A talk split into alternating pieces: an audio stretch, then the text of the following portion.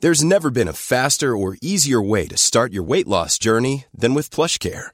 PlushCare accepts most insurance plans and gives you online access to board-certified physicians who can prescribe FDA-approved weight loss medications like Wigovi and Zepbound for those who qualify. Take charge of your health and speak with a board-certified physician about a weight loss plan that's right for you. Get started today at plushcare.com slash weight loss. That's plushcare.com slash weight loss. plushcare.com slash weight loss. Flexibility is great. That's why there's yoga. Flexibility for your insurance coverage is great too. That's why there's United Healthcare Insurance Plans. Underwritten by Golden Rule Insurance Company, United Healthcare Insurance Plans offer flexible, budget friendly coverage for medical, vision, dental, and more. One of these plans may be right for you if you're, say, between jobs, coming off your parents' plan, turning a side hustle into a full hustle, or even missed open enrollment. Want more flexibility? Find out more about United Healthcare Insurance Plans at uh1.com.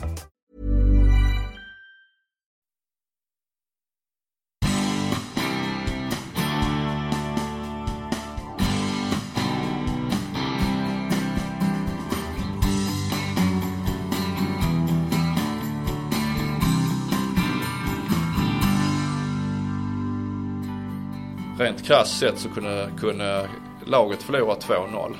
Men plockade du bort din motspelare så gick du därifrån med ett väldigt fint betyg.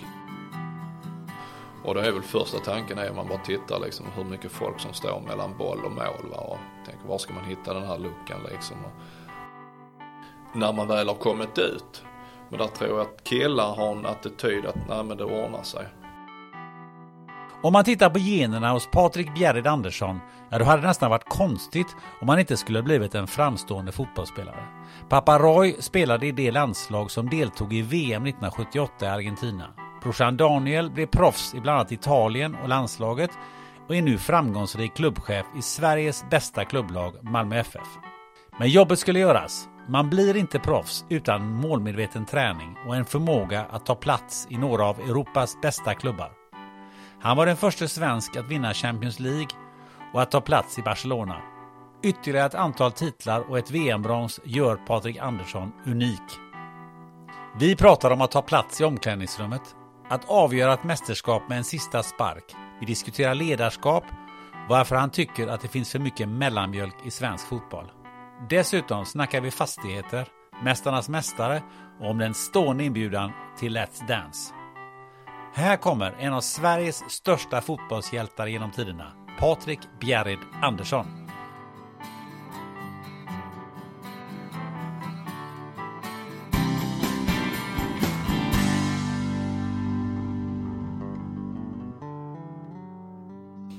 Du, eh, eh, wir denken, wir sollen das, äh, dieses Interview auf äh, Deutsch machen. Was, äh, was denkst du da, Patrick? Ja, kein, überhaupt kein Problem. Ich war die letzte Woche in, in Deutschland und ja, jag ska, bara, jag skulle bara kolla hur snabbt du växlar som, som in, eh, så här modersmålstysk som jag är så, så tänkte jag ska testa dig. Ja. Eh, Patrik Andersson, eh, välkommen till podden, spännande möte. Ja, tack snälla. Ja, men tillbaka till tyskan. Så det gäller ju så att hålla sig ajour. Jag har fortfarande mycket kontakter i både Tyskland och Spanien. Jag försöker bibehålla via att titta på tv och, och läsa mycket. Men som sagt som du sa när man är, väl är på plats så, så kommer man snabbt in i det.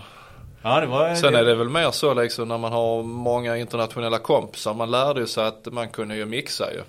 Där fanns ju ett ord som passade bättre. Då tänker jag mer på de nordiska språken då, men danskan och norskan. Att man valde i det sammanhanget att prata, trycka in ett danskt ord eller ett norskt ord för att få en bättre förståelse och smidighet. Ja, men, det är rätt, men eh, vilket är du bäst på? Tyska eller spanska? Ja, men definitivt tyskan ja. Um, jag läste ju skoltyskan fyra år ju men man behöver ju vara på plats. Så är det ju. Man måste leva för att lära. Man måste säga fel för att lära va? men att lyssna in va. Sen eh, åtta år med tre år i Tyskland. Eller tre år i, i Spanien. Det är klart, det är skillnad. Ja, ja visst är det. Men sen är det just det här att, som du säger, att eh, man måste våga säga fel. Mm, ja, självklart. Men sen är det också viktigt liksom, att lära sig landets seder och likaså språket är en självklarhet tycker jag. Va? Och framförallt i, i, i min bransch, vi pratar lag. Det handlar ju om 100% delaktighet. Det är klart att man måste förstå allt. Och framförallt om någon säger ens namn va, så måste man ju förstå vad, vad pratar de om. Va? Ja, är det bra eller dåligt? Nej men det är positivt. Det är Nej men jag det. tänker på, är det bra eller dåligt när man, när man nämner ens namn? Det är bra att veta det. Ja förhoppningsvis är det positivt. Men, nej, men det, det, det handlar ju också om att vara ödmjukhet och committa sig till det landet man väljer att verka i. Gör alla fotbollsspelare det? Nej men det tror jag inte. Det, det är också likadant. Alltså jag, jag uppfattar ju att eh, vi i Sverige är ju präglade hemifrån i en struktur. Hur man ska bete sig och vad som är ett sunt beteende. Va? Men, eh, I många länder ser det inte ut så. Det är mycket eh, individen framför eh, laget kanske. Inte laget framför jaget. Va? Att, eh, man ser liksom bara att när man, jag är här utföra en syssla i form av fotboll och sen så vidare till nästa. Va? Nej men alltså vi är ju anpassningsbara och vi har en förståelse varför vi, varför vi är där, där ju. Att göra helheten bättre ju, och bidra till att helheten är bättre. Men där finns ju individer med ett helt annat egotänk liksom. Men eh, uppskattas det mycket om du tänker på just Spanien? Ja men det, det tror jag definitivt. Det har man ju sett sen om man tar Henke Larsson när han kom till Barcelona, hans roll. Eh, ödmjuk, är med och gör sina alla sedda och göra sina medspelare bättre liksom. Det här uppoff uppoffrande till, till helheten liksom. Att, det är det här mantrat liksom att är laget vinnare så är ju alla vinnare liksom. Och där har man ju olika roller till att bidra till det. Har vi lättare eh, som fotbollsspelare eller som idrottspersonligheter överhuvudtaget ja, att komma till världen tror jag? Ja, nej, men det tror jag. Sen så eh, ser vi ju även i Sverige en samhällsförändring där man måste Eh, man bedöms på så många plan i tidig ålder. Det var rätt enkelt när jag växte upp i varje fall. Det var, var skola, idrott och kompisar liksom. Men idag är det så mycket, man får så mycket information från så många håll och att man ska passa in på ett visst sätt. Det är en tuffare miljö va. Så man ser ju också i, den här, i det här tuffa samhället gäller det också att ta och förtjäna sin plats tidigare. Och det kan ju tyvärr då driva den här egocentriska bilden liksom att det är jaget liksom som ska lyckas. Och det ser vi lite kanske idag att vi har mycket sämre kontinuitet kan man väl säga. Man har inte det här tålamodet längre liksom. Utan man vill ha allting så fort som möjligt. Va? Och inom idrotten pratar vi mycket om ja, det är, vad är en lagkänsla? Vad är klubbkänsla? Finns det idag? Utan man ser, det är kortare tid och sen så kliver man till nästa liksom. Bygger man bygger det på kamratanda eller enkommet. Jag har en roll här liksom. Jag är där och ska uppfylla det. Som, de kraven som ställs från mig och sen ja, iväg till nästa. Du, men, men det, det är också intressant det du säger för att eh, jag tänker på att nej, jag, jag är själv uppvuxen i, i, eh, inom idrotten och jag tycker att man pratar mycket mer om eh, Eh, massa värderingar och grejer idag tycker jag än, än vad jag är uppvuxen med. Jag vet inte, kan du dra den parallellen själv? Då var det på något sätt, fanns det någon självklarhet i eh, saker och tings varande? Ja, men jag upplever att eh, eh, som du sa, att det var ju saker som som bara fanns där liksom. Det var liksom. Man behövde inte anstränga sig. Men idag så sätter man ju namn och ord på vissa saker som måste finnas där. Men jag upplevde att det var väldigt självgående. Ja, det... Vilket gjorde att, nej men det fanns där från början. Och jag kunde koncentrera mig på själva skeendet, det är prestationen då. Utan... Men hur, hur är det idag om du, du som har mycket kontakt inom, inom fotbollen och säkert mycket med, med unga spelare ja, också? Ja men just det här sättet, hur, hur pratar vi med varandra? Hur är jargongen idag? Är vi involverande? Hur ser man laget? Eh, grupperingar, hur hanterar vi dem? Ehm, visst, det krävs ju att dels krävs det ett ledarskap ju. Sen krävs det ju att det finns ett så kallat ledarskap inom gruppen som hanterar de här, att, att tidigt liksom att nej men i denna gruppen funkar de här grejerna och det här är ingenting som vi står upp för liksom. Men eh, det ser säkert annorlunda ut. Va? Det ser vi också jargongen i skolorna idag. Va? Hur, hur eh, killar pratar med tjejer eller uttrycker sig mot tjejer. Det är ju rätt tufft. Um, och, och var kommer det ifrån? I vilka år har det? Ja det kan man ju undra. Var kommer det ifrån? Ja visst. Ja det är ju förmodligen från det området där man växer upp ju. Där finns en jargong, där finns ett sätt att, uh, att ta plats, att få bekräftelse liksom. Men kanske från hemmet också? Ja, mycket möjligt. Eller avsaknaden från saker i hemmet. Hur var det i, i ditt hem, i din uppväxt? Hur, hur upplever du den? Jag hade ju fördelen att växte upp i ett litet, litet, um, litet samhälle då. Uh, utanför Lund och Malmö egentligen, ute vid kusten ju. Där egentligen uh, uppsidan var ju närhet till skolor, aktiviteter, grönområde, stort, mycket kompisar. Hade en mamma som gick hemma i stort sett till alla tre bröder hade börjat skolan i alla fall. Pappa som de första åren aldrig var hemma egentligen i och med att han uh, han eh, jobbar ju eh, på Skanska då. Samtidigt då som han hade, var, var fotbollsspelare. Men hur var den, var, kände du att det fanns det, man ska säga det här med tillåtande miljön hemma? Eller, för jag menar, tänker att har du en, en farsa som Nej men är alltså det, är, det, det, det är ju lite hur man känner, alltså vi upplevde att vi fick en bra trygghet och, och vägledning liksom. Och att, att, att hemmet var en trygghet liksom och fick eh, vägledningen i det vi behövde. Sen så tror jag alla vi tre, eh, tre bröder var väl rätt målmedvetna då. Och väldigt okomplicerat att vi hade ett självdriv liksom. Och det är ju enkelt som förälder också att vara med och, supportera liksom. Vi har ju aldrig fått det här att, att ni måste göra någonting utan det kommer av sig själv. Både gäller då att ta ansvar för, för utbildningen då, skolan, samtidigt som vi hade väldigt mycket aktiviteter. Ja, för eh, men fotbollen måste ju ändå ha haft någon sorts eh, central eh, ställning hemma hos er eller? Jo, det kan man väl säga att det var en av, en av de aktiviteterna vi gjorde. Va? Men fördelen när vi växte upp var ju att man, man tränar ju bara två renodlade pass i, i veckan. Va? Vilket jag gav utrymme att kombinera upp till vi var 13-14 år. Där man fick välja bort handboll, basket och pingis. Problematiken blev ju, dels så såg man kanske där man stack ut mest men det var ju turneringarna och matcherna som började kollidera. Då, då gick det liksom inte. Va? Men otroligt glad att, att jag fick den här allsidiga träningen som jag tror är väldigt viktig framåt va? och gynnade min karriär. Ja, för din eh, pappa ska vi väl flika in för de som inte eh, har koll. Heter ju Roy Andersson och eh, spelade faktiskt i VM 1978. Mm. Så pass gammal är jag så det har jag koll ja, just, på. Det stämmer. Eh, men då skulle man ju kunna tänka sig också att det fanns liksom, man ska inte ni spela fotboll och sådär. Men det, det Nej men jag tror, jag har väl ett lik. Jag, jag tror på den tesen att visst man kan skapa förutsättningar men man måste i form av närhet till aktiviteter eller föreningsliv. Men jag tror ändå att inspiration, visst inspirera ja men det måste finnas ett, en självdrift. Man gör inte det för någon annan, man gör det för sig själv. Och man kan inspireras av många olika sätt. Det kan vara kompisarna som drar med en på någonting. Det kan vara att man har förebilder. Eller att föräldrarna då sätter en i något närhet till aktiviteter. Men jag tror att valet måste vara ditt själv. Intresset måste finnas där och framförallt varför göra detta och det här drivet att vilja att, att vilja fortsätta och utvecklas och eventuellt då om vissa har tur se hur långt man kan, kan ta den satsningen.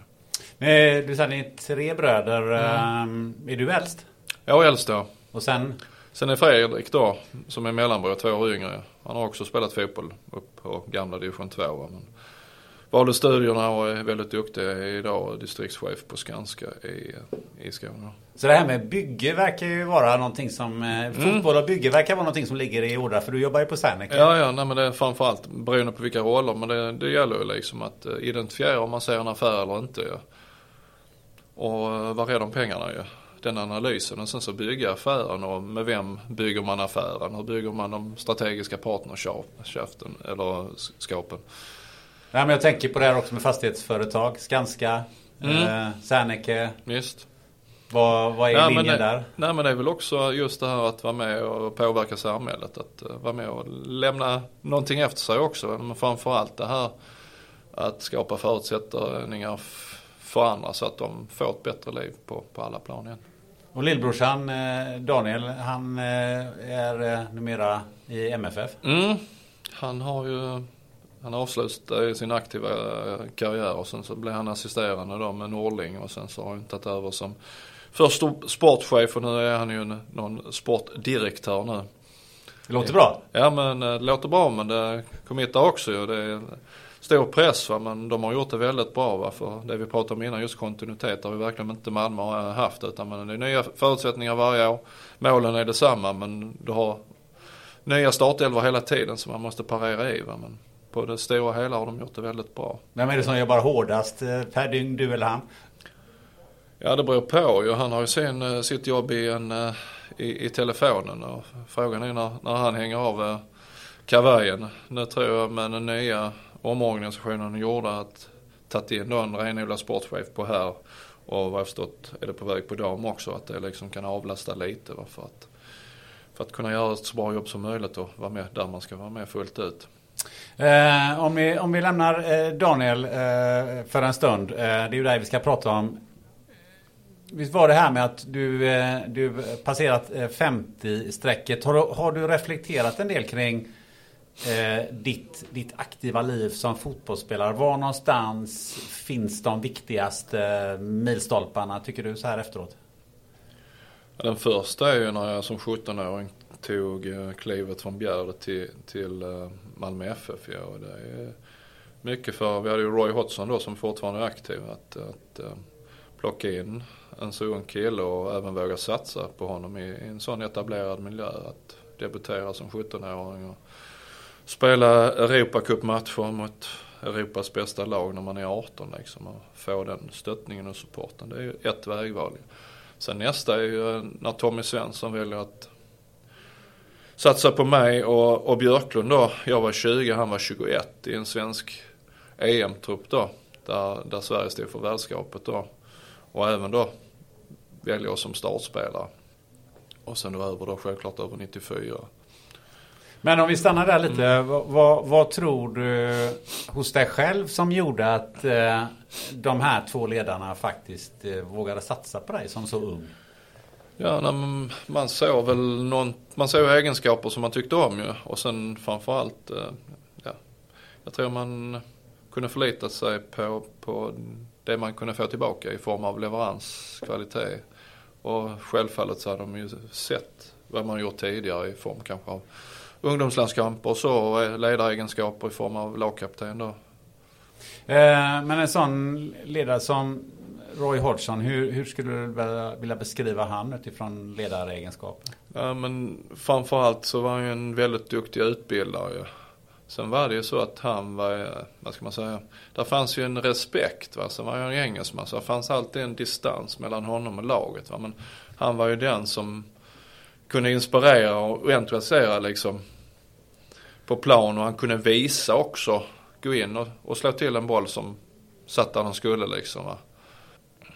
Och Tommy Svensson, för han skapade ju någonting som... Mm, ja men hans styrka var ju att uh, människor, alltså att känna människan liksom. Och sen uh, att involvera gruppen. Uh, en tät dialog. Var tydlig. Han hade visst, där, där fanns en hierarki inom laget liksom. Men eh, en tydlighet. Sen var han ju inte rädd att eh, ta tuffa beslut ju. Att att förändra liksom. ju. En nyckel var ju i VM när han då skräddarsydde en roll till Thomas Brolin, flyttade ner honom som anfallare till en fri roll på, på mittfältet där, vilket var ett genidrag liksom i och med att Thomas blev ju uttagen i, i, i turneringens lag ju. Ja, för om vi är ändå inne på det här med eh, VM 94. Eh, när man satt där framför tvn och såg första matchen så tänkte man ju det ett tag att jaha. Nu blir det som i VM 90. Ni låg under med 2-1 mot Kamerun och det såg inte ut som att det här är ett, eh, typ, ett bromslag. Nej, det, det är svårt att säga. Sen kan man ju lyfta ut enskilda situationer. Ja. Det var väl kanske inte de roligaste målen vi släppte in och i viss mån självförvållat. Men men det kändes som att ni, ni som grupp och som, som, som lag utvecklades under hela den här eh, VM-resan mm. från lite ja, men det är inte, utifrån sett alltså. Det är ju inte, alltså för tänka, man går ju från, eh, från ett ligaspel och sen har man förberedelser vi spelar ju, om inte jag minns en turnering mot de nordiska lagen i Norge och Danmark och vann den i varje fall va. Sen eh, missade jag ju, vi hade en eh, match mot Rumänien innan eh, turneringen började. Där hade jag skadat mig så jag var inte med där. Men ofta är det ju att man går länge och väntar liksom på att när ska vi komma igång. Va? Visst, första matchen är ju viktig va? för den visar ju lite förutsättningarna framåt. Va? Men jag upplevde ändå att oavsett det resultatet, då nu kändes det i varje fall att man, man räddade någonting. Man släppte inte men det var lite pu istället för... Ja men det blev lite så att oh, vi gjorde tvåan. Vi gjorde byten och fick liksom effekt på det va. Sen var det väl lite, vi fick ju en tuff start även mot Ryssland ju. Fick ju en straff emot oss där, underläge 1-0 va. Men där reste vi oss ju och gjorde sen en fantastisk match där va. Men vi, eh, vi visste ju lagets kvalitet och det var en oerhört homogen grupp va. Kvalitet, som jag säger då spets i, i, i bredden liksom viktigt att ha kvalitet på alla 20, 22. Varför? Det är ju ofta vardagen som ger match, matchdagen. Liksom. Men var det här någonting ni tänkte redan i början? Att det här, vi kan nog gå väldigt, väldigt långt i den här turneringen? Ja, men framförallt så visste vi att det skulle krävas väldigt mycket att slå oss ju. Sen var jag, jag var ju 22 år va? Det är ju rätt bekymmerslöst liksom. Det man bara går inte och tänker på så mycket annat utan det är matchen som gäller. Man plockar inte in massa oro från sig utan ja, man, man kör på. Ju. Eh, fördelen för oss var att vi kunde fokusera på, på våra grejer. Det var väl egentligen först inför eh, semifinalen då som medialt då blev riktigt stort. Va? Annars märkte man egentligen bara på matchdagen att det pågick ett VM i USA. Och sen när ni kom hem då var ni ju riktigt medvetna? Jo, nej men det stämmer. Det var ju helt fantastiskt ju. Sen blev det tyvärr, vi hade ju kamperat i sex veckor i USA och där, där innan ytterligare två veckor, åtta veckor totalt. Va? Men det blev ju ett abrupt slut. Va? Fick uppleva hemkomsten, va? Sen, sen skildes vi åt på kvällen sen. Va? Sen var det bara att inställa sig igen på ny säsong. Va? Så vi fick ju aldrig egentligen tiden att verkligen eh, njuta och, och känna in. Det var ju väldigt intensivt hela tiden tills vi skildes åt. Va?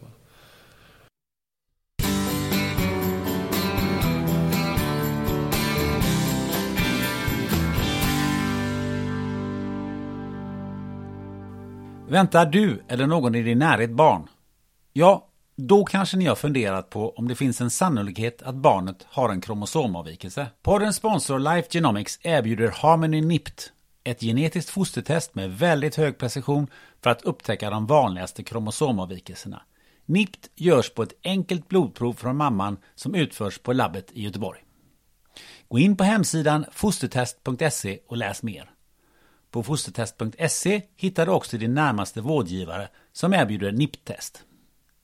Life Genomics erbjuder även andra tester som covid-19 PCR inför exempelvis din resa eller andra möten.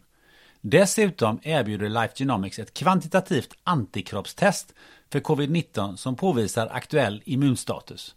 Mer information hittar du på lifegenomics.se. Tack Life Genomics!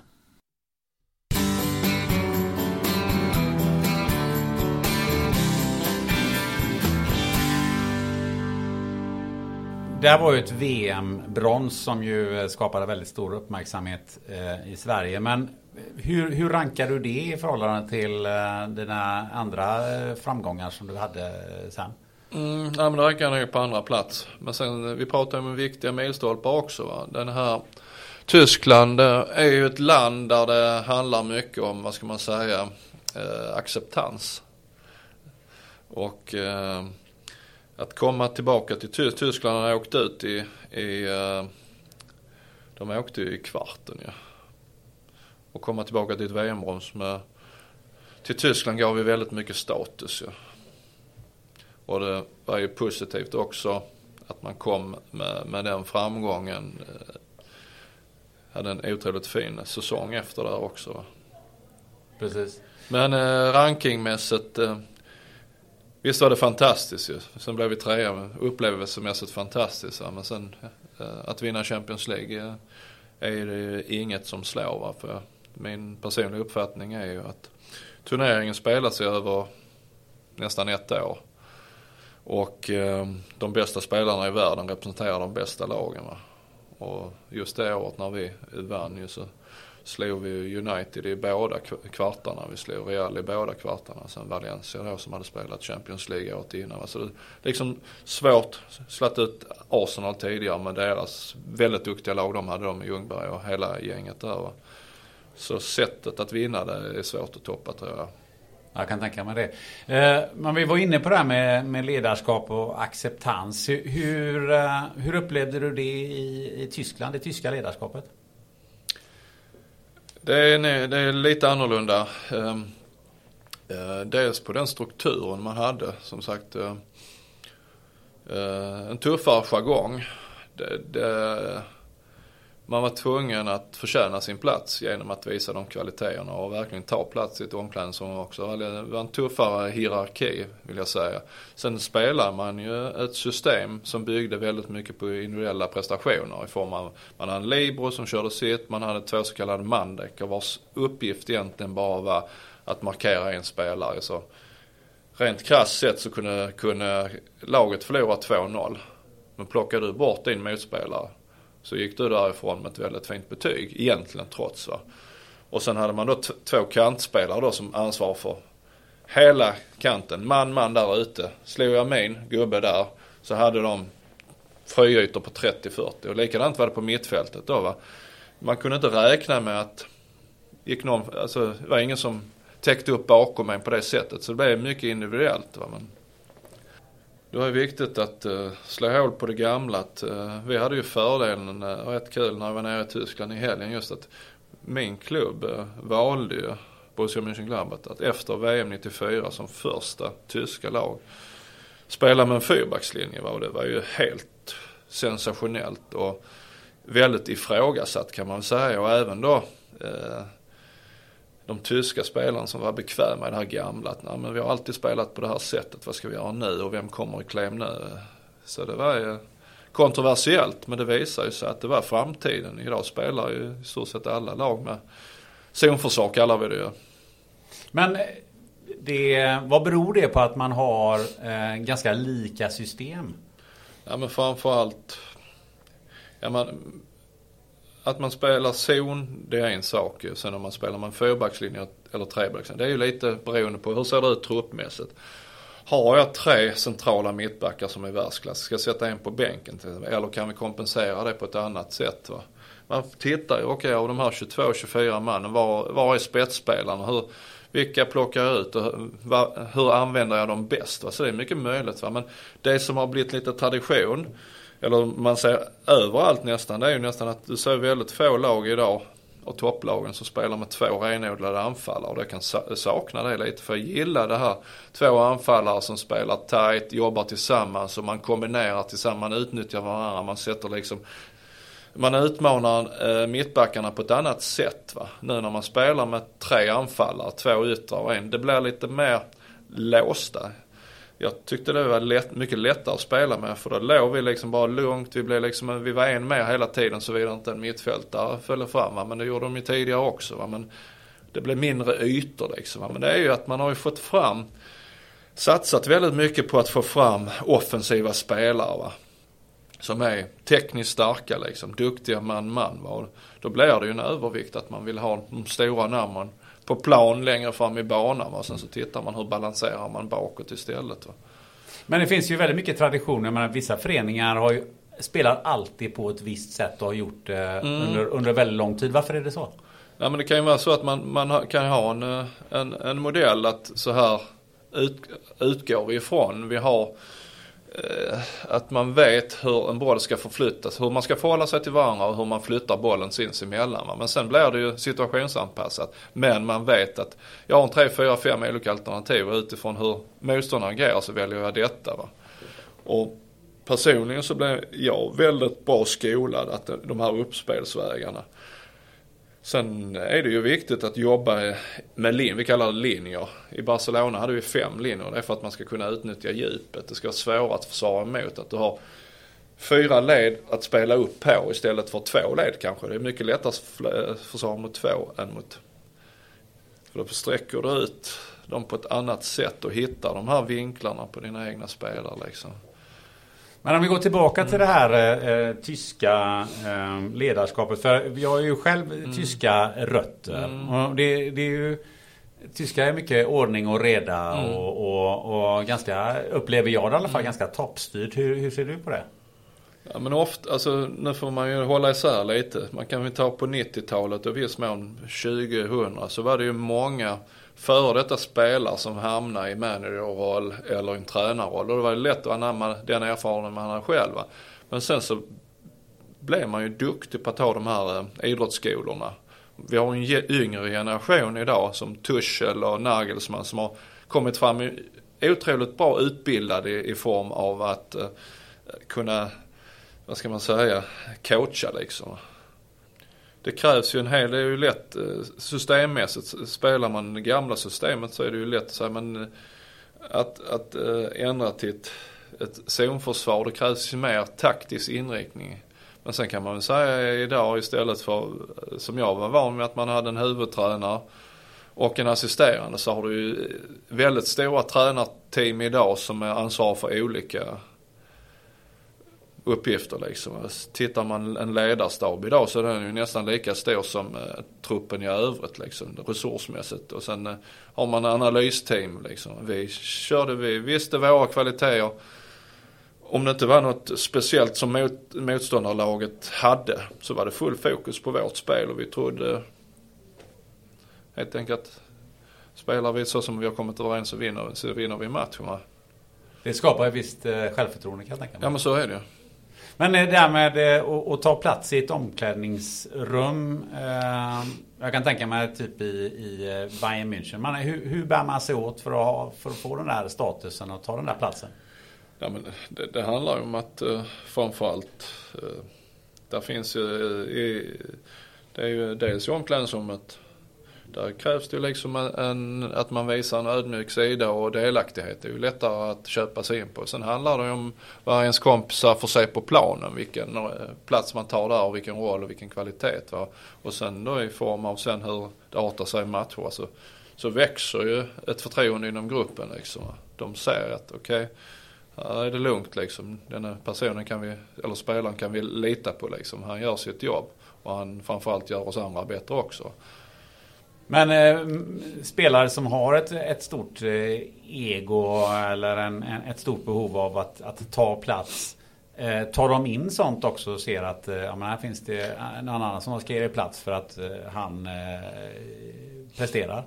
Nej men det är lite så att jag, eh, jag kom till Bayern München 99. Då hade ju laget förlorat en Champions League-final som egentligen var närmare 3-0 än att United skulle vända med två sena mål man torskade cupfinalen en vecka efter eller några dagar efter. Hade vunnit ligan överlägset. Så jag kommer ihåg på mitt första. Och egentligen hade man bara tappat en eller två spelare. I övrigt var det intakt. Va? Ottmar Hittfeldt då kallade in mig på första träningsläget och sa att eh, jag vet att du är en väldigt bra spelare men här så måste du förtjäna din plats. Och då, då vet man, jag, jag har ju valt att gå dit eller fått möjligheten att gå dit och velat gå dit för att det är det här jag vill ha. Jag vill ha den här dagliga utmaningen där man hela tiden får mäta och bevisa sig mot, mot de, de bästa, bästa spelarna i, i, i Tyskland i alla fall. Hur, hur såg konkurrensen ut på träningarna? Man kan väl säga så att vi har ju, det är ju en förberedande fas ju. Sen när du väl går igång med, med, med matcherna, då, då, är det ett, ofta i toppklubbarna så är det ju tre matcher i veckan. Va? Så det blir ju ofta bara matchförberedande träning eller, så det görs inte så väldigt mycket. Står man utanför laget så, så blir det lite tuffare plats. Va? Men visst, eh, det visar väl sig att det kan ju finnas irritation och det kunde hända saker liksom. Va? Men, det är ändå en grupp liksom som har samma mål. Det är att vinna titlar eller att vinna Champions League. Så alla har ju samma inriktningar. Sen är det ju, vi hade, där var ju tuffa karaktärer liksom. Och ofta så hanterades allt inom gruppen. Va?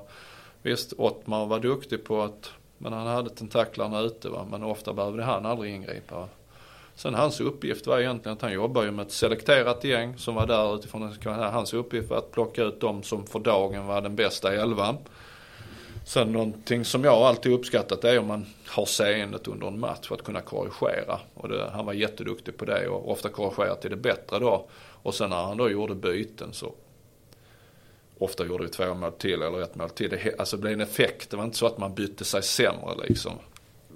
Fanns det händelser på träningen som gjorde att man, eh, alltså att man eh, gick in för att få trycka till varandra för att eh, ta, ta mer plats eller få, få spela? Nej, men det vill jag inte säga. Men att det var väl ingen som höll igen direkt. Det vill jag inte säga. Det var, var en helt annan sak när man kom till Spanien liksom. Jag har ju alltid haft det här mantrat att som, som jag tränar liksom så spelar jag också. Var, där var väl vissa som ville mer skuggträna liksom och inte gilla om det gjorde lite ont eller. Men det är bara att köra på då. Eh, du sa ju nyss att man hade, pris, man hade förlorat en Champions League-final och man hade eh, förlorat även cupfinalen. Mm. Men eh, det vände ju rätt rejält när, när du var där. Du fick ju bland annat slå den sista sparken i, i Bundesliga. Mm. En avgörande Bundesliga-match. Ja men just timingmässigt var det nog positivt. Hade jag kommit till, till en klubb eller ett lag just då. Hade de vunnit alla tre titlarna då hade ju risken varit att det på vissa håll kanske varit en mättnad. Va? Det vet man ju inte. Ofta är det så också, om man vunnit en titel så känner man den här underbara, då vill man ju uppleva det igen. Va? Men framförallt den här stora då, Champions League. Eh, Bayern hade ju inte vunnit sedan eh, 70-talet när man vann tre Europacupen på rad. Va? Så det var en väldigt lång väntan. Så både staden, fansen och klubben, laget. Det var ju det som var det slutliga målet ju. Vi var ju jättenära även eh, mitt första år ju. Där vi, tror vi slog Real Madrid eh, tre gånger rätt klart. Men, men eh, förlorade fel match i semifinalen och åkte, åkte ut där på ett måls skillnad. Då. Men eh, ni vann rätt match eh, när ni eh, vann eh, mm. Bundesliga. Mm. Kan du ta den storyn? För den eh, jag har jag hört några gånger men ja. Ja, man kan säga hela året i sig var ju att vi var ju väldigt tufft belastade liksom. Och är man inte riktigt på topp då kan man torska vissa matcher. Alltså vi, vi ledde ju ligan rätt långt in i säsongen va? men sen började vi gå lite sämre sen på våren då va? och då blev vi omsprungna av Schalke då. Men sen då i näst sista omgången var helt osannolikt ju. Vi, vi gör ett sent mål mot Kaiserslautern då. Och samtidigt så torskar Schalke i Stuttgart då. Det är ungefär samtidigt det händer. Och då visar det sig inför sista matchen då så räcker det att vi kryssar då. Eh, Schalke spelar hemma mot Unterhaching. Som tror jag redan har åkt ur, tror jag.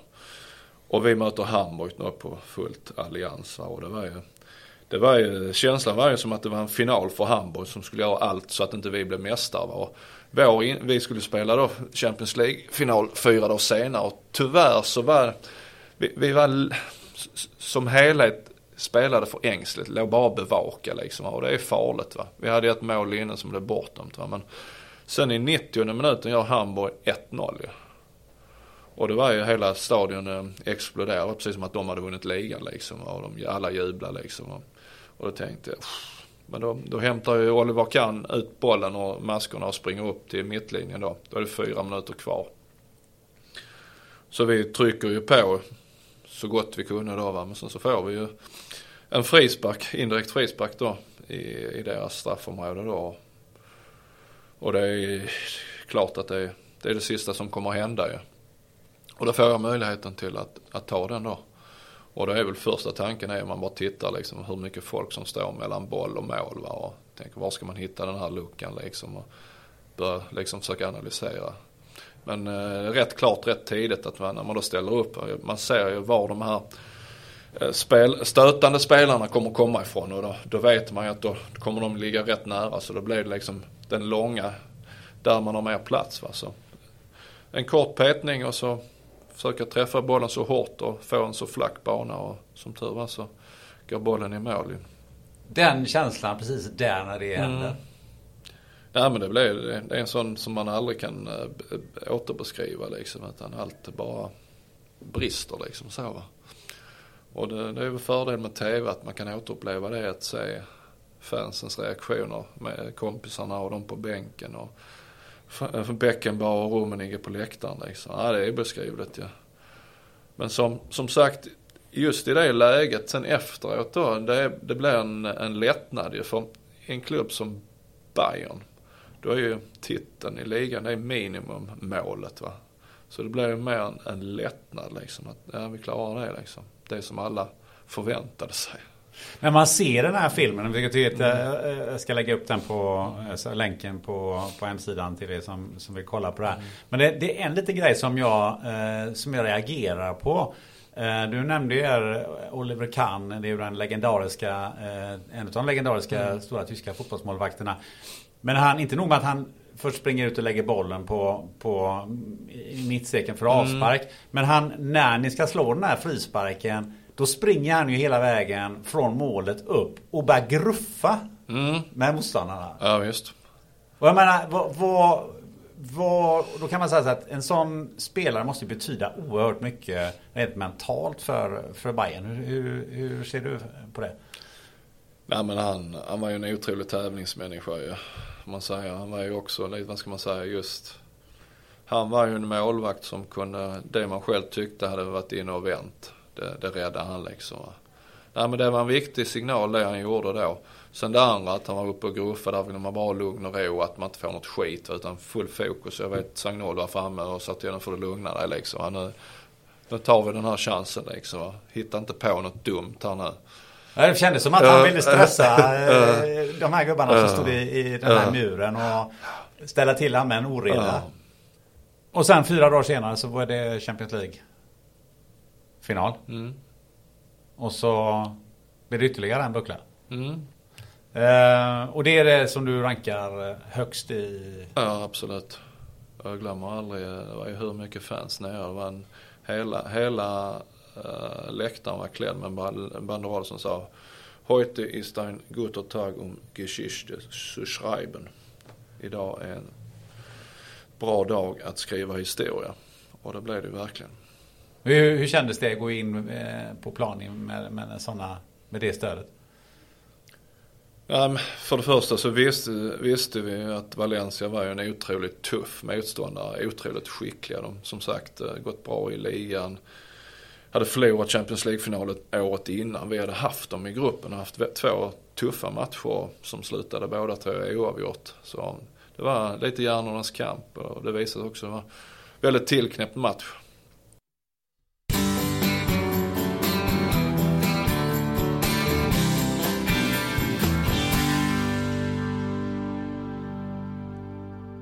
Den här podden den sponsras av Life Genomics, ett kliniskt laboratorium i Göteborg som bland annat erbjuder covid-tester. Har du precis bokat en resa på kort varsel och behöver PCR eller antigentest för covid-19? Ja, då kan du gå in på coronapassport.se för att hitta en vårdgivare i din närhet och boka en tid för test och friskhetsintyg. Life Genomics har samarbete med ett 150-tal kliniker över hela Sverige. Och om du reser från Arlanda eller Landvetter så kan du nu även testa dig direkt ute på flygplatsen vid Life Genomics Lab i samarbete med vårdgivaren Express Care. Där kan du få ett antigentest med reseintyg inom 30 minuter och ett PCR-test och reseintyg inom 2-4 timmar. Så, gå nu in på expresscare.se och boka din tid direkt. Tack Life Genomics!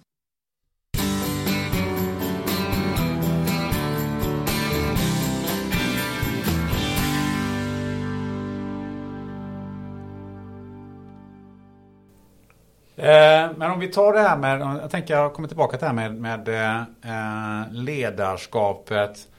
Eh, nu var du ju sen i Barcelona också. Men hur, hur skulle du vilja beskriva ditt egna ledarskap inom fotbollen? Men det är ju viktigt, vi pratar om lagsport. Alla måste känna sig involverade. Sen så får vi liksom inte komma ifrån att inom ett lag, det finns en viss hierarki, hierarki och det är viktigt att ha också. För varför är det viktigt? Nej men dels är det så att någon måste ju dels föra gruppens talan. Någon måste kunna vara den när det står och väger att kunna ta ett beslut som man kan stå för. Va? Och sen är det ju också att det är ju trots allt eh, eh, tränarens möjlighet att på ett snabbt sätt nå ut till gruppen genom att snabbt samla den lilla gruppen och så. Va?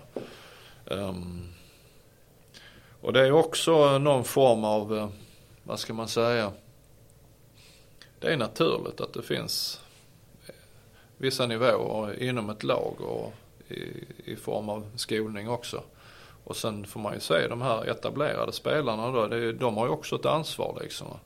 Det är ju inte en självklarhet, det är deras uppgift det är också att se till att, att alla känner sig delaktiga, att känna av i gruppen om det finns några störningar liksom och agera på det eller att, att någon av de yngre kanske kan ha någon att anförtro sig till eller stämma av. Va? Oftast är det ju så att i, managern eller tränaren har ofta kanske en distans. Och sen har man en assisterande tränare som är en så kallad kompis. Va? Men det är väl bra om man kan ha någon inom laget också som man kan stämma, stämma av med. Va? Men eh, någonting som är, har blivit eh, typiskt svenskt ledarskap det är om man tittar på Bengan Johansson och hans handbollslandslag. Där ju egentligen mm. spelarna mer eller mindre styrde vad som skulle ske, ske mm. på plan. Ja.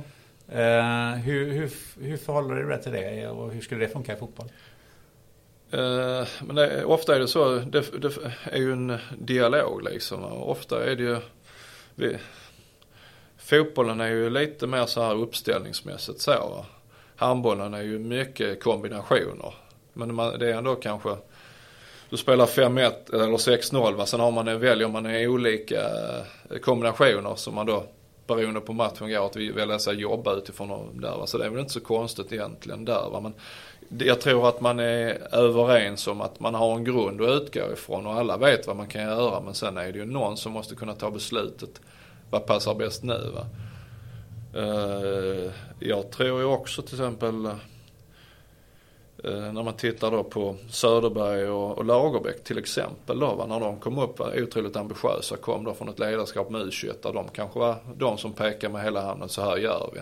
Men de förstod väldigt snabbt att nej men här måste vi involvera gruppen. Nu pratar vi om fullblodsproffs, stora namn ute i Europa och förstå att vi tillsammans ska vara framgångsrika. Hur kan man kompromissa utifrån input och hitta rätt och lite så. Och det är ju att vara ödmjuk i sitt ledarskap och, och säga att eh, här kommer någonting som från andra hållet som gör oss som helhet starkare ju, som vi tillsammans tror på. Va?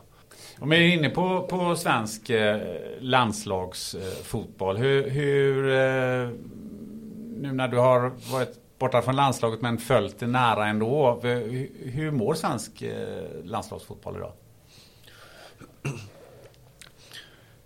Jag tycker ju, eh, tittar vi först damerna då så kommer de ju från ett OS-silver. Ja men otroligt eh, kul och jag hoppas ju att man lyckas nu äntligen ta, ta en EM-titel nu i den här gruppen så att de får vinna någonting tillsammans. Det hade betytt väldigt mycket. Och vi vann ju senast, var det 84 med, med, med Lyfors. Så det, det är dags nu.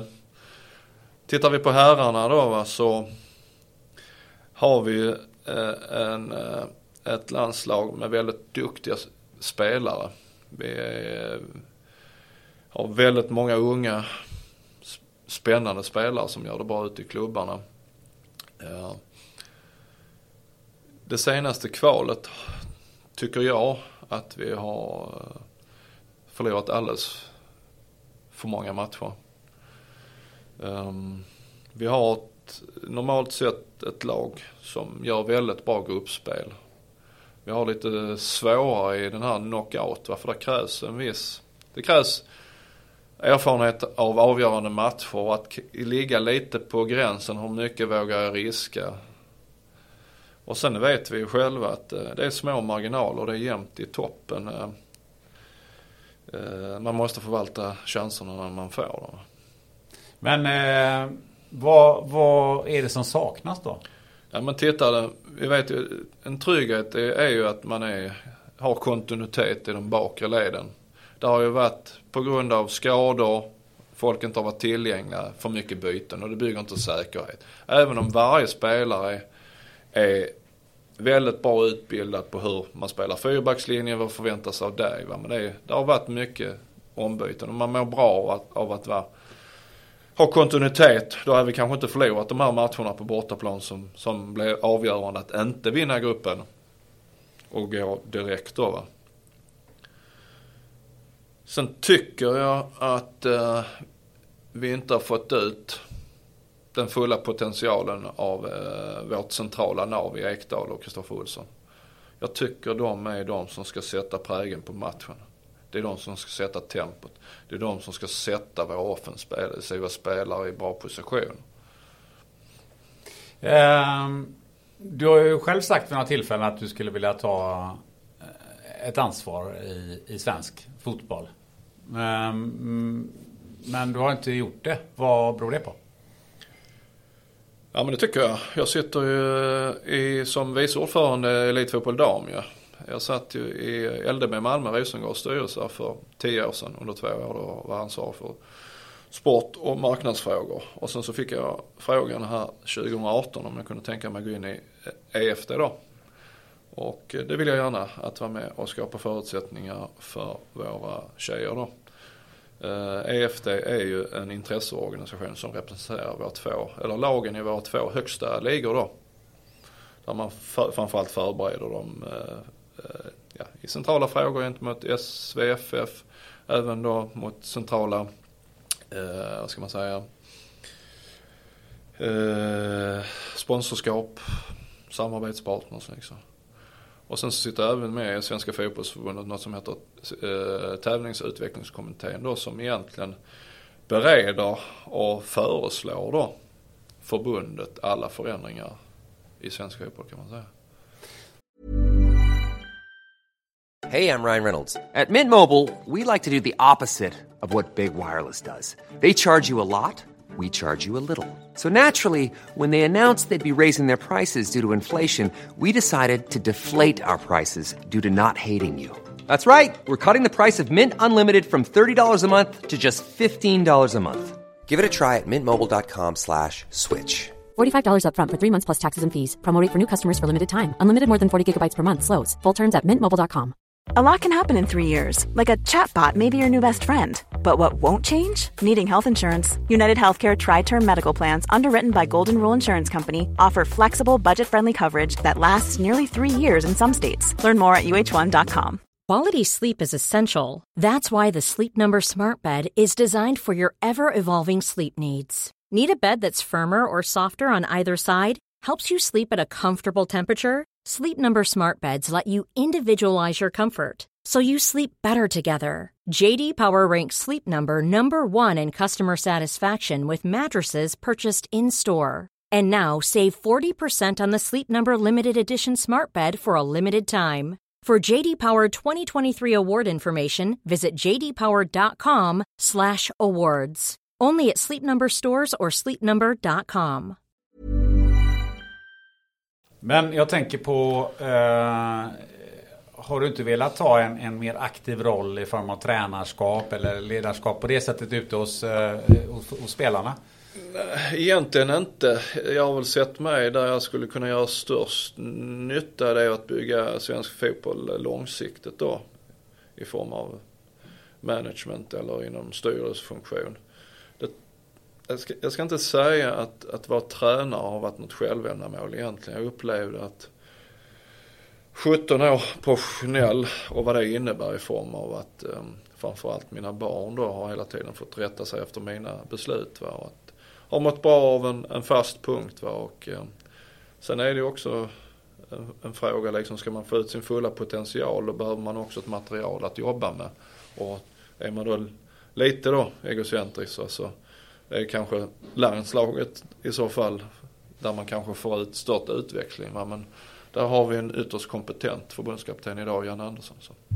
Jag fastnade för en grej som, som du sa för något, något år sedan. Eh, citat, jag upplever att det inte är lätt att möta svensk fotboll efter den skolning jag fått i utlandet. Man måste identifiera var svensk fotboll befinner sig, vart man vill ta den och vad som krävs. Och då måste man ha människor omkring sig som har förståelse för detta. Mm.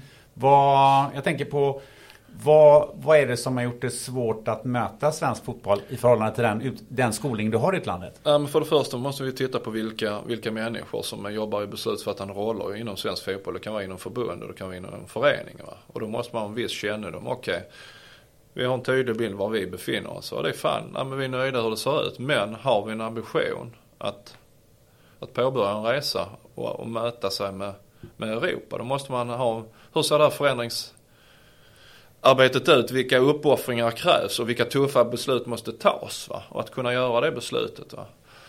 Eh, tittar vi på fotbollssverige generellt va, så är det ju uppdelat i både bredd och elit. Va? Och det, att få ihop den helheten är jättesvårt. Vi kan identifiera var vi behöver tillsätta resurser. Va? Men är man beredd att gå hela vägen för att tillsätta resurser, flytta från admin ut i verksamheten. Vi är väldigt duktiga på att utreda, men vi kommer aldrig till genomförande. Vi är aldrig överens om någonting. Och då vill väl jag säga ett sätt. Jag tror att har man gjort en resa själv och upplevt väldigt mycket saker så finns det en helt, helt annan ödmjukhet att involvera andra. Att ha en känsla att jag behöver inte alltid stå på scen utan det är där finns någon, de som är beredda att sätta, avsätta tid på att ge tillbaka, att utveckla. Behöver inte vara den som står där. Va? Men det är inte många. Va? Men det jag vill säga det är att kunna se då helheten, det är Sverige. Det är inte vad som händer i ett enskilt distrikt. Utan det är, vi är beroende. Kvalificerar sig inte våra landslag till ett VM eller EM och framförallt som det varit hittills herrlandslaget så blir det inte så stora medel att jobba med ute i distrikten. Va? Och om, om alla eller enskilda distrikt kan vara med och på bidra till utveckling där det finns kanske helt andra möjligheter så att det i slutändan gör att vi får bättre landslag som genererar resurser till oss alla. Så det är ju fair enough. Då är vi bidragande till att vi har ett fungerande Sverige som presterar då. Va? Men att få ihop en hel folkrörelse, landslagsfotboll för mig, det är selektivt. Det handlar om att det är de bästa som är med där, de är utvalda och det handlar om att vinna matcher. Sen har vi någonting som heter en stödjande funktion och det är utbildning, vi hjälper till ut mot distrikten, kan vara med, med, med utbildningar det ena, det är en helt annan sak. Så separera. Risken är att det blir liksom mellanmjölk. Men är det här lite eh, någonting som man kan säga är, är både en styrka och en svaghet i, i svensk eh, idrott? Efter det här. Jag tänker konsensus är vår, vår, vår utmaning här är ju att vi har byggt hela vår idrottsrörelse på ideella krafter. Att staten ska finansiera det eller att någon annan ska betala för vår verksamhet och att vi vill ha föräldrar som ställer, ställer upp som tränare ideellt. Va? Där har vi utmaningar. Vi kan ju bara titta på hur mycket föreningar vi har tappat de sista 20 åren. En annan fråga är också att eh, om man nu bygger på föräldratränare. Jag tränar som sagt två pass i veckan fotboll. Vem har sagt att man måste träna fyra pass fotboll? Vem har bestämt det? Blir jag bättre fotbollsspelare för det? Ja, kanske det. Men det finns också möjlighet att jag kan göra andra saker. Men det är kanske tufft att få föräldratränare som ska ställa upp fem dagar i veckan. Fyra träningar och en match. Så det är också någonting hur, hur ska idrotten finansieras i framtiden? Vad har du några tankar kring det? Det har jag, men... Uh... Men det är ju intressant, för, för det där upplever jag ju själv, eh, inte i fotboll, men, men varit, hjälpt naturligtvis mina barn i i eh, olika idrotter. Det har varit innebandy och det har varit allt, allt möjligt. Och, och ja, kan... Det bygger ju väldigt mycket, precis som du säger, det bygger väldigt mycket på ett föräldraengagemang. Och föräldrar mm. har allt mindre tid för de har andra saker nej, men, att göra. Och något, något som, hur, hur, något som hur ser framtiden nej, ut? som jag upplevde sen jag kom till Stockholm här för 2015. Jag tittar på, på elitlagens breddverksamhet. Ja. Eh, det är 40 lag. Jag har aldrig upplevt någonting sånt. Från Skå I Skåne så har elitklubbarna mycket smalare mindre lag. Men man har ett lokalt samarbete vilket gör, man har koll på spelarna i sin region. När är det dags att plocka in dem? Det är, for, det är fortfarande inte 40 lag. Du kan ju förstå vad det committar i Hammarby, Hammarby BP att hålla så mycket ungdomar, hur mycket resurser man måste få in. Och hur många lokala mindre lag som får problem att hålla lag och kanske får lägga ner.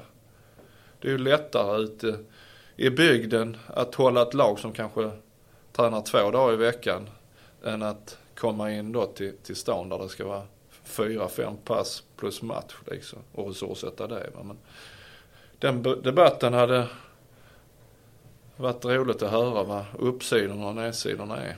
Nej, för att eh, du, var, du själv funderade ju lite på vad, vad du skulle svara på min, min förra fråga. Men har du, har du några tankar kring Borde det komma in andra, annan finansiering eller är det finansiering överhuvudtaget som är problemet? Eller vad, vad är, vad, hur skulle du vilja beskriva det? Det är... Vi hade ju hela den här debatten nu med RF till exempel, i en fördelning av medel. Det är ju det är ju utifrån hur man får ett statligt stöd baserat på eh, aktivitet kan man säga. Och man kan säga att fotbollen idag står ju för 33 procent tror jag av aktiviteter i Sverige. Det är ju överlägset störst. va. Men sen har man ju haft en fördelningsnyckel då va som, ja, varit fine då. Jag tror eh, fotbollen är 13 procent då va. Och fotbollen har aldrig velat ha 33 men man tyckte att man skulle ha lite till va. Men tyvärr så blev det framröstat att man skulle sätta ett tak istället då på 10% vilket gjorde att det blev mindre. Och då är ju frågan att eh, räcker det för att resurssätta våra föreningar ute i distrikten då? Till exempel då. Eller vad händer om vi tappar spelare? Var hamnar de någonstans? Vad kommer det då kosta samhället liksom? Så det borde vi avsätta större resurser från, från statligt håll? Är det en väg? Nej men definitivt är det det ju. Det har ju påvisats de positiva effekterna av idrott och hälsa och framförallt vad det skapar för värden i samhället när man har börjat mäta det med, med en peng. Vad, vad är det då den genererar för värden till, till samhället? Ja. Om vi tittar på, på ungdomar och de som är riktigt duktiga idag eh, jämfört med när du var, när du var ung. I, idag ser vi ju eh, att de är scoutade som, som väldigt unga redan och, och kommer ut väldigt tidigt i, i, i den här proffsvärlden. hur, hur, eh, hur ser du på det? Ja men det är väl både och egentligen va. Ehm, Man kan väl säga att eh, en spelare idag får influenser av många bredvid sig idag. På, när jag växte upp så var det ju föräldrarna som var med delaktiga i, i beslutet. Idag så finns det ju rådgivare nere i 15 års ålder som har väldigt stor inverkan. va. Men jag tycker att eh, man måste ju, man måste ju se på den eh, personliga utvecklingen och ställa sig frågan, får jag den i den lokala klubben? Och, och, och först söka den dialogen, att vad kan man göra inom klubben? Va? Normalt sett så tycker jag väl att eh, när man börjar förflytta sig, det är ju när man börjar ett gymnasium. Det är rätt naturligt kanske att i så fall att titta på att det är dags nu att byta miljö. Va? Men det gäller att vara lyhörd, va? men det, det hänger ju mycket på att att man har en trygg, man, att man har föräldrar som är med i den dialogen. Vad är bäst för mig liksom? Vi har ju olika grundförutsättningar utifrån var vi befinner oss i Sverige. Förutsättningar hemifrån. Och att då få chansen i en annan miljö och, och då hoppas att det är vägen fram. Va? Det är, kan vara värt väldigt mycket. Va? Kan vara värt ett bättre liv till exempel. Va? Och säga att det är fel väg, det kan inte jag göra. Sen kan jag ha en önskan om att man att man eh, får en bra utvecklingstrappa i Sverige. I, i hemmamiljö och att man får en bra skolning vad det innebär att vara i en svensk förening. Sen förhoppningsvis att via ett via ett landslag ta sig ut. Va? Jag tror det är lättare att få en acceptans i den tuffa miljön som, som eh, man eh, får ta del av i, i utlandet. Eh, I den här podden så har jag tidigare pratat med Martin Bengtsson som eh, du säkert känner till som också är, grunden till filmen Tigrar som ju, eh, kom i, höstas. Och en sak tycker jag var intressant som han sa det var att utbildning eh, hade spelat en väldigt stor roll för honom. Om han hade, om han hade haft en bättre utbildning så hade han också kunnat hantera sig själv eh, bättre. Hur ser du på det här med att, att fotboll och utbildning och, och den balansen? Ja men det handlar väl också, visst, eh, lärande är ju alltid positivt ju. Sen måste man ju ta ansvar, det är också en drivkraft liksom. Skolan är ju ett sätt också, det kräver ju sitt engagemang. Att man, att man eh, lägger ner tid och kan- prioritera liksom. Och också en viss tävlingsinstinkt att prestera ju. Sen är vi ju olika va? men framförallt ger det väl en, en trygghet liksom att veta visst, eh, fotbollen är som en, en flaska där, där eh, toppen är liksom eliten men det är ju ytterst få som har möjlighet att, att via den vägen skapa sig förutsättningar, ekonomiska, upplevelsemässigt. Va? Det är ytterst svårt som det är. Då är det en trygghet att ha med sig att jag har en annan säkerhet också i form av att eventuellt kunna karriärväxla om det inte skulle gå så som det hoppades. Men... Ja, för att eh, både Lotta Schelin och, och, och, även Kit Karlsson som ju är mm. idrottsagent har ju pratat om det här med utbildning och att, att eh, elitidrottare, oavsett om det är fotboll eller vad det nu är, bör skaffa sig en utbildning och, och Lotta Schelin sa det i alla fall för henne så, så fanns det ju en möjlighet faktiskt, fanns faktiskt tid över att göra det medan hon, hon var professionell eh, fotbollsspelare. Mm. Eh, är, är, hur, hur, ser det på, hur ser det på dagens ungdomar, ja, yngre tror, spelare som jag, kommer ut? Nej men om jag kan bara göra en, en, en vi, vi har ju ett otroligt tapp idag på tjejer i 11-12 års åldern. Tjejer är, har en annan attityd. Man tar ansvar och man värdesätter utbildning på ett annat sätt. Va? Så när de väljer, då väljer de bort idrotten istället för, istället för skolan. Va? Och jag brinner ju för att hitta en modell där vi måste kunna hålla kvar våra ungdomar längre upp och samtidigt ge dem en bra utbildning. Hitta formerna kring det. Det fanns ju inte när jag gick i, i plugget liksom. Men idag finns det en bra möjlighet i varje fall att få en gymnasial utbildning parallellt med, sitt, med sin, sin idrott då. Va? Sen är det ju en helt annan sak att nyttja tiden då när man väl har kommit ut. Men där tror jag att killar har en attityd att nej men det ordnar sig. Medan tjejerna då, även om man tittar på killarna idag då som kommer ut, det, allt är ju man har ju ett liv efter liksom, hur ska det se ut? Hur tänkte du själv där? För att eh, liv efter eh, hade du definitivt efter fotbollen. Eh, hur tänkte du själv kring din egen utbildning och livet efter fotbollen? Nej men framförallt så hade jag ju skapat förutsättningarna då utifrån vad jag hade, har verkat. Va? Men sen så, jag la av när jag var 33 och det är ju rätt ungt. Men kände väl att det, är ju alldeles för tidigt att, att dra sig tillbaka. Så men det handlar väl lite att initialt liksom få lite distans och känna in att eh, vart vill och kan jag göra skillnad liksom. Och nu landade det inte i fotbollen just då va? men det var, fanns ju eh, ett driv att hitta min plats liksom. Va?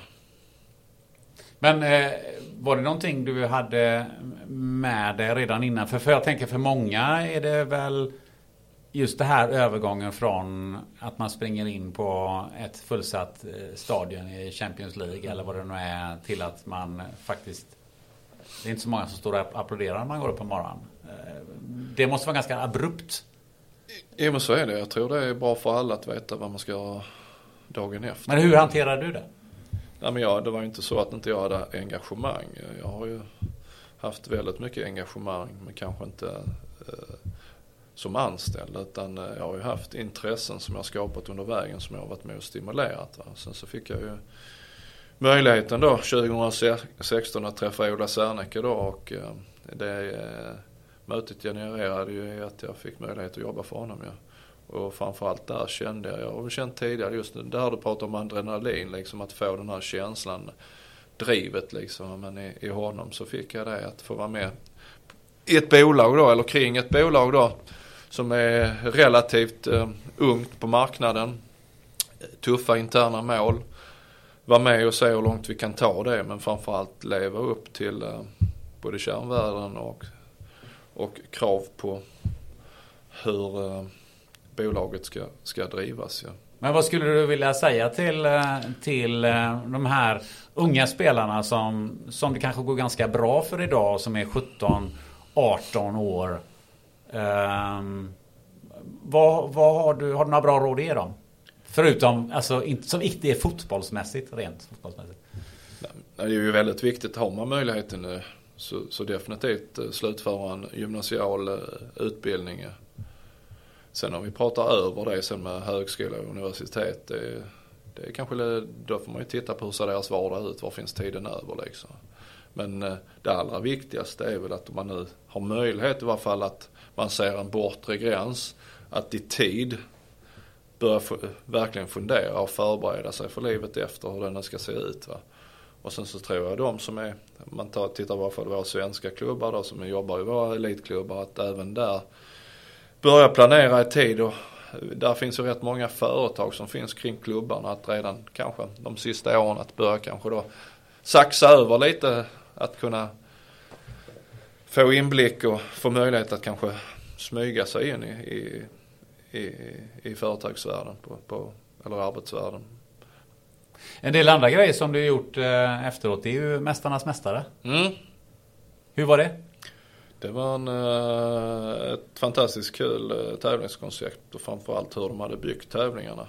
Ehm, just kombinationen och att man byggde ofta tävlingar att det gynnade inte om man var, eller det, det gynnade inte om man var man eller kvinna. Det jämnades ut i momentet oftast. Va? Men just att det var mycket uthållighet, det var, det var mycket analys, tanke, ja, kul.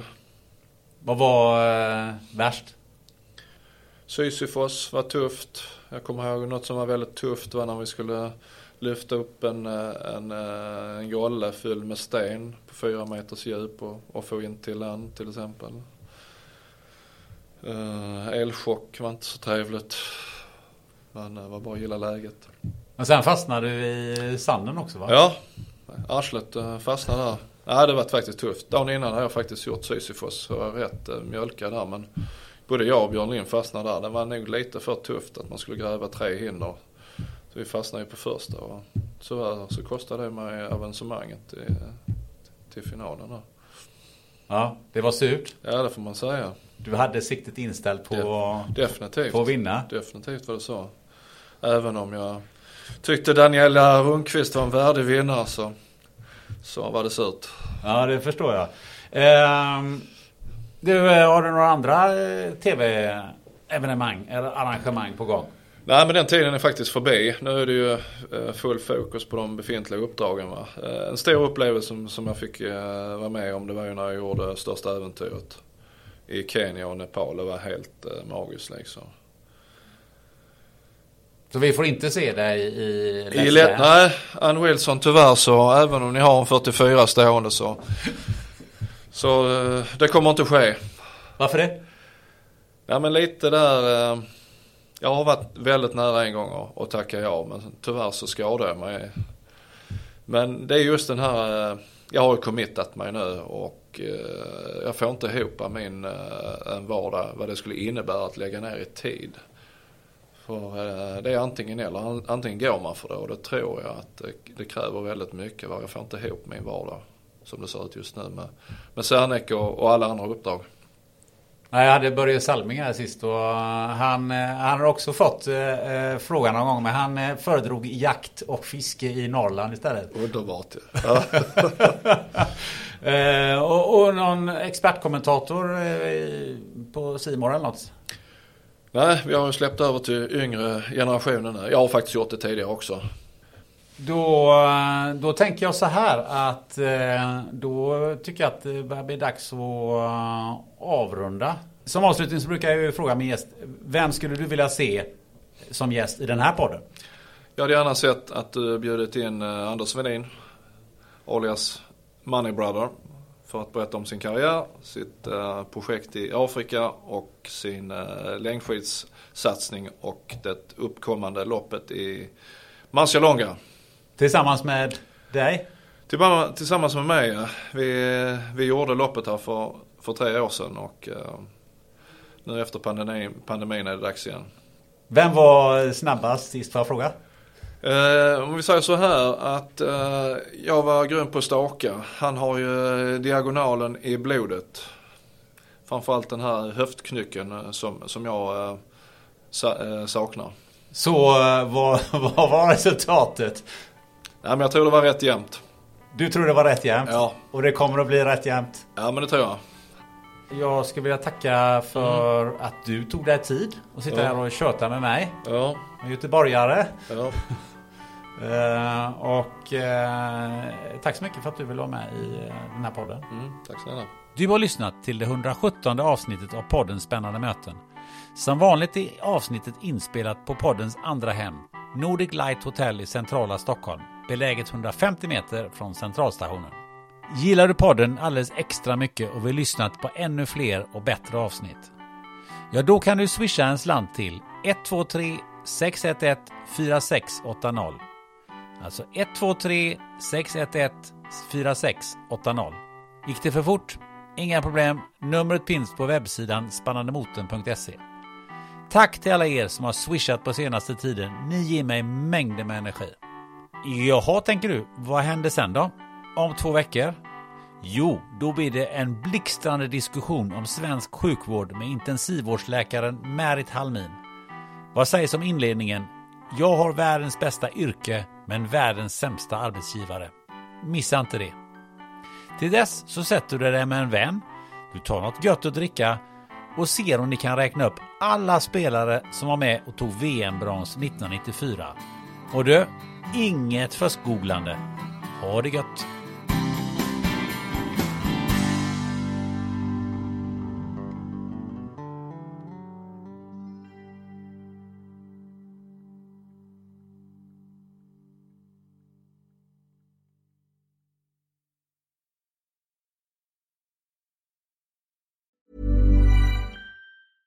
Hey, it's Paige DeSorbo from Giggly Squad. High quality fashion without the price tag. Say hello to Quince. I'm snagging high-end essentials like cozy cashmere sweaters, sleek leather jackets, fine jewelry, and so much more. With Quince being 50 to 80% less than similar brands. And they partner with factories that prioritize safe, ethical, and responsible manufacturing. I love that. Luxury quality within reach. Go to quince.com slash style to get free shipping and 365 day returns on your next order. Quince.com slash style. Flexibility is great. That's why there's yoga. Flexibility for your insurance coverage is great too. That's why there's United Healthcare Insurance Plans. Underwritten by Golden Rule Insurance Company, United Healthcare Insurance Plans offer flexible, budget friendly coverage for medical, vision, dental, and more. One of these plans may be right for you if you're, say, between jobs, coming off your parents' plan, turning a side hustle into a full hustle, or even missed open enrollment. Want more flexibility? Find out more about United Healthcare Insurance Plans at uh1.com.